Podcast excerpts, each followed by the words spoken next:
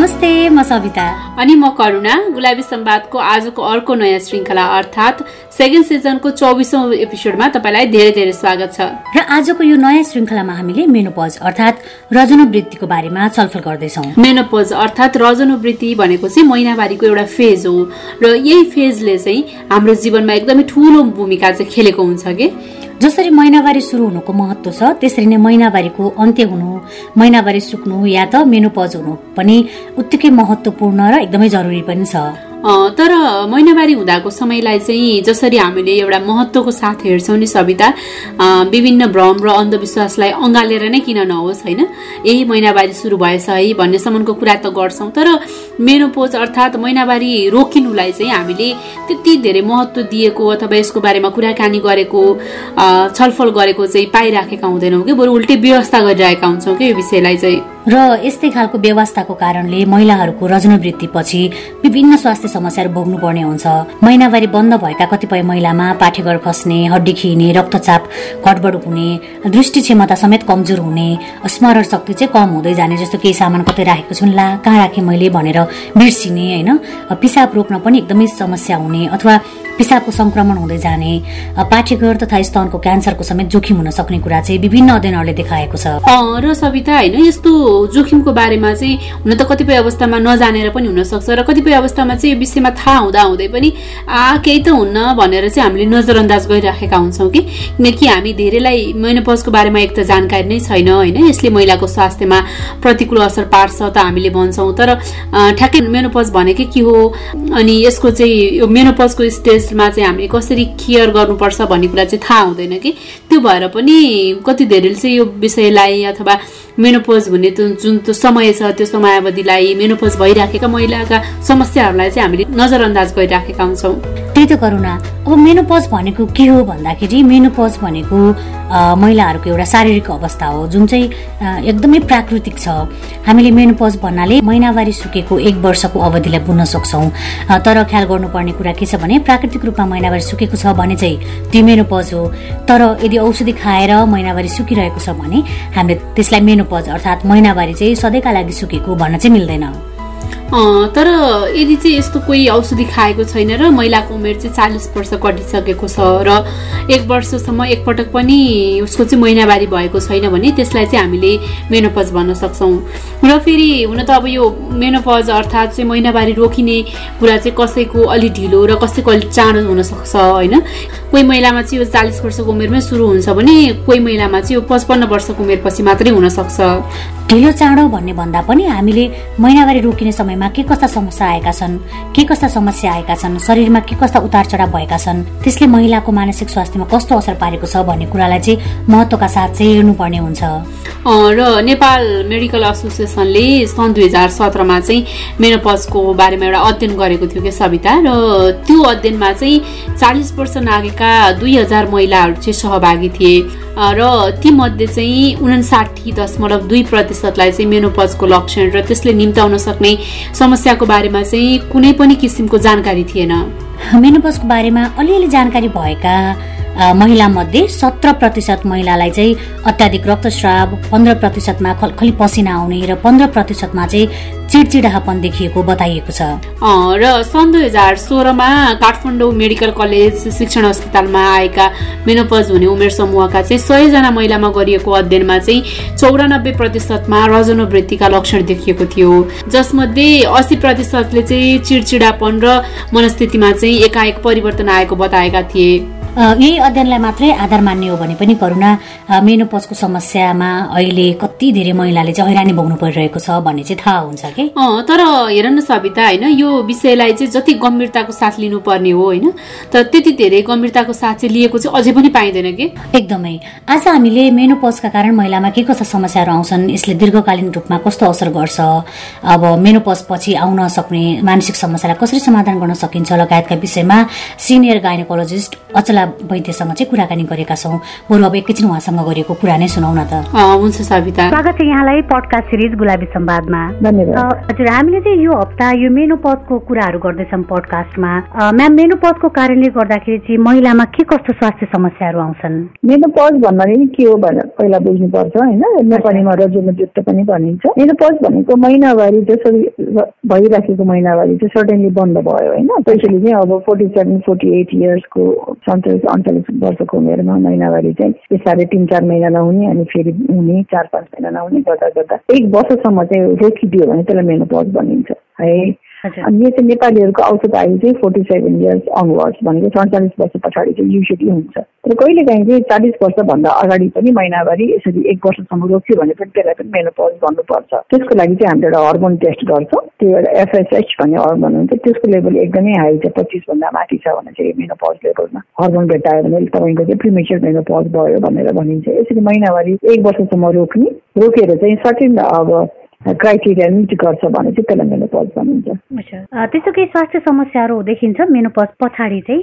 या। अब मेनोपज भइसकेपछि स्वास्थ्य समस्याहरू कसरी दिन सकिन्छ भने त्यो हर्मोन भनेको एउटा इस्ट्रोजन हर्मोन हो जुन हाम्रो डिम्बबाट निस्किन्छ। साक्षीघरको दुईतिर दुईवटा डिम्ब हुन्छ। त्यो दुईवटा डिम्बबाट चाहिँ हर्मोन्सहरू निस्किन्छ। स्पेसली चाहिँ इस्ट्रोजन भन्ने हर्मोनले हाम्रो शरीरमा धेरै चिजलाई राम्रो राम्रो वेल गुड फिल हर्मोन पनि भन्छ हामीले। हामीले राम्रो फिल गरेर राखेको हुन्छ। त्यो हर्मोन नहुने बित्तिकै हाम्रो मस्तिष्कबाट हामीलाई सुरु हुन्छ हाम्रो समस्याहरू। सबैभन्दा पहिला त हाम्रो सोचमै परिवर्तन आउनु थाल्छ। अलिकति नेगेटिभिटी बढाए जस्तो अलिक इरिटेबिलिटी झिँझोपन भन्छ नि हाम्रो। झर्को लाग्ने कोही बोल्दाखेरि पनि धेरै धेरै बोले पनि पुग्यो अब भने जस्तो इन्ट्रेस्ट अलिकति कम भएको जस्तो। एकदम हप्प गर्मी लाग्ने एकैछिनमा झाडो भएर आउने। कसैलाई त राति सुतिरहेको बेलामा खलखल खलको पसिना आइराख्ने होइन? अनि सोच्ने शक्ति पनि अलिक पहिलाभन्दा अलर्ट नभए जस्तो कसैले बोलिराख्दाखेरि नबुझे जस्तो के पढ्दाखेरि पनि नबुझे जस्तो। अनि स्मरण शक्ति भन्छ नि हाम्रो।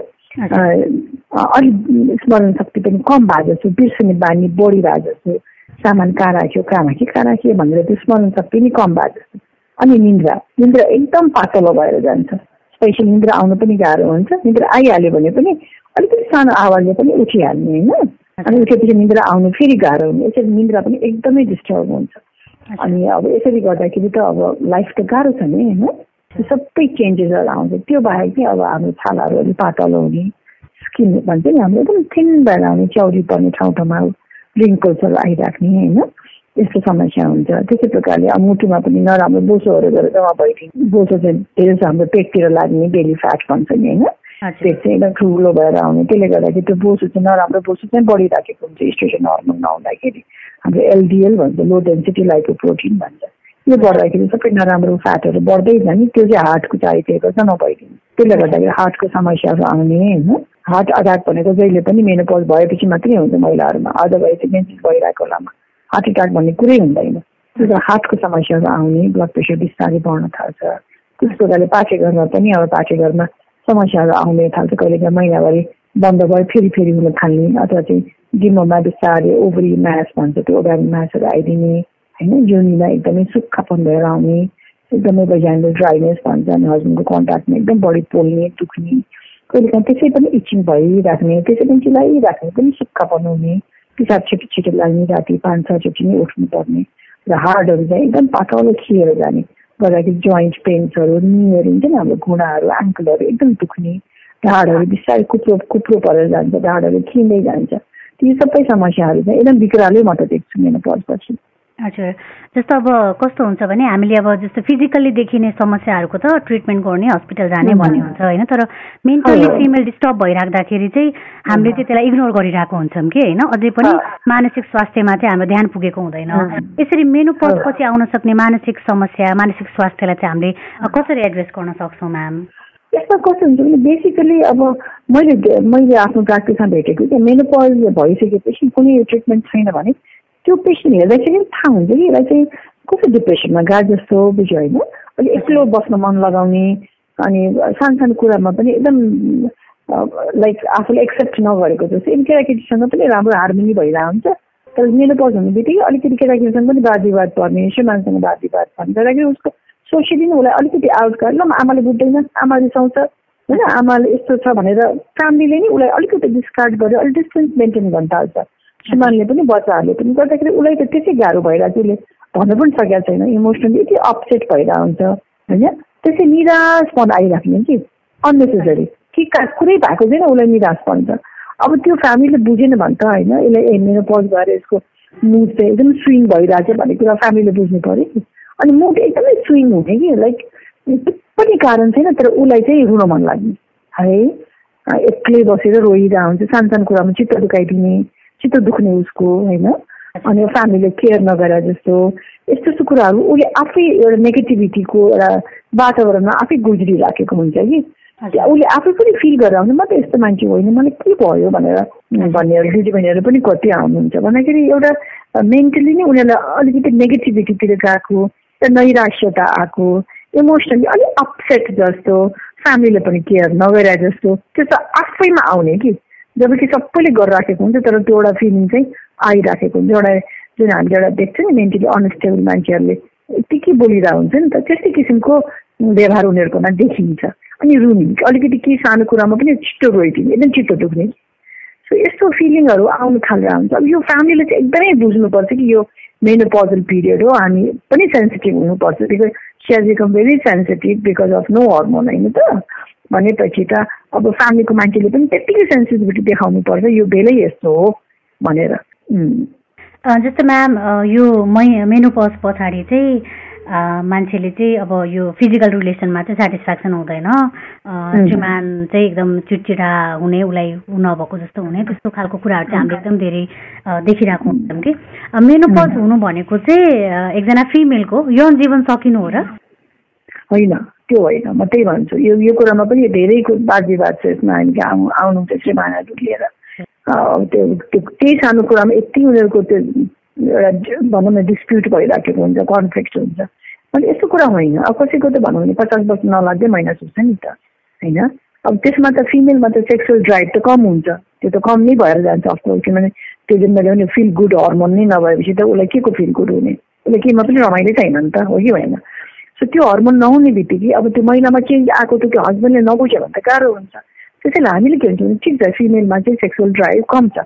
त्यो उपचार छ नि त भन्छौँ। जस्तो कि हामी अघि मैले भने यो नि एकदम सुक्खा भएर जान्छ ड्राई भइजाएन। ड्राई भइजान भन्ने बित्तिकै हामीलाई अब हस्बेन्डलाई प्रब्लम हुन्छ भन्ने कुरा हामीले बुझिराखेको हुन्छ। सो त्यो लोकली एक्टिभ एक्टिभ हुने चाहिँ हर्मोन्सहरू पाइन्छ क्रिमको फर्ममा होइन? इस्ट्रोजेन क्रिम भनिन्छ। त्यस्तो क्रिम हामीले लाउनु त्यो प्रिमेरिन भनेर आउँछ नेपालमा चाहिँ। त्यो क्रिम चाहिँ हामीले लगाऊ भन्छौँ है त्यो बजाइनामा चाहिँ डेली पनि लाउनु पर्दैन सुरुमा अलिकति बजाइनाभित्रै हाल्ने हो। चाहिँ सुत्ने बेलामा अलिकति लिएर हाल्ने हो। अनि दुई हप्तासम्म कन्टिन्युसली हालेपछि अनि त्यो एकदम मोइस्ट भइसकेपछि हप्तामा एकचोटि जस्तो मैले हाल्दा पुग्छ। र अलिकति युरिथ्रा भनेको पिसाब फेरि पलतिर पनि हाल्नुपर्छ। किनभने युरिनरी फ्रिक्वेन्सी एकदम बढेको थाहा छ कि हामीलाई। एकदम छिटो छिटो आउने कारण पनि त्यहाँको युरिथ्राको चारैतिरको सेल्सहरू पनि एकदम सुकेर जान्छ। त्यस कारण त्यो क्रिम चाहिँ लगाइराख्नुपर्छ भन्छौँ हामी सो बिहानभित्रमा पनि युरिथ्रामा पनि लगाइराख्नु हप्तामा एकचोटि लगाएर पुग्छ त्यसले गर्दाखेरि तपाईँको सेक्सुअल लाइफ केही पनि नै हुँदैन कि। त्यही कुरा मैले सबैले बुझेर राखेको हुन्छु। देयर इज नो डिफरेन्स पहिला र अहिलेमा के पनि डिफरेन्स नै हुँदैन। इस्ट्रोजेन एकदम जिरो हर्मोन त होइन नि त जिरोमा पुग्ने त होइन नि। सर्टेन लेभल त हुन्छ नि त। त्यस कारण चाहिँ खालि हामीले अलिकति एड मात्रै गरेको के बाबा? Thank you so much ma'am यति महत्त्वपूर्ण जानकारीको लागि अनि आजको समयको लागि। छलफलका लागि उहाँलाई धेरै धेरै धन्यवाद। मेनोपज अर्थात् महिनावारी सुक्ने कुरा चाहिँ जीवनको एउटा महत्वपूर्ण समय हो। यो समयमा परिवारका अन्य सदस्यले परिवारका सदस्य जो मेनोपजको फेजमा हुनुहुन्छ उहाँहरूको राम्रो रेखदेख गर्ने र खानपान स्वास्थ्य र सरसफाइमा ध्यान राख्नु चाहिँ हामी सबैको जिम्मेवारी हो। पक्कै पनि। र आज चाहिँ हामीले मेनोपज अर्थात् महिनावारी सुक्ने प्रक्रिया र महिलाको स्वास्थ्यमा चाहिँ यसले पार्ने प्रभावको बारेमा गरेको कुराकानी छलफल तपाईँलाई कस्तो लाग्यो? आफूलाई लागेको कुरा हामीलाई सेयर गर्न लेखेर पठाउन नभुल्नुहोला। त्यसको लागि हाम्रा विभिन्न सामाजिक सञ्जालमा तपाईँले गुलाबी सम्वाद सर्च गर्न सक्नुहुन्छ। त्यस्तै इमेल रहेको छ Gulabi Samwad at Gmail dot com GULABI SANBAD Samwad at Gmail dot कममा इमेल गर्न सक्नुहुन्छ।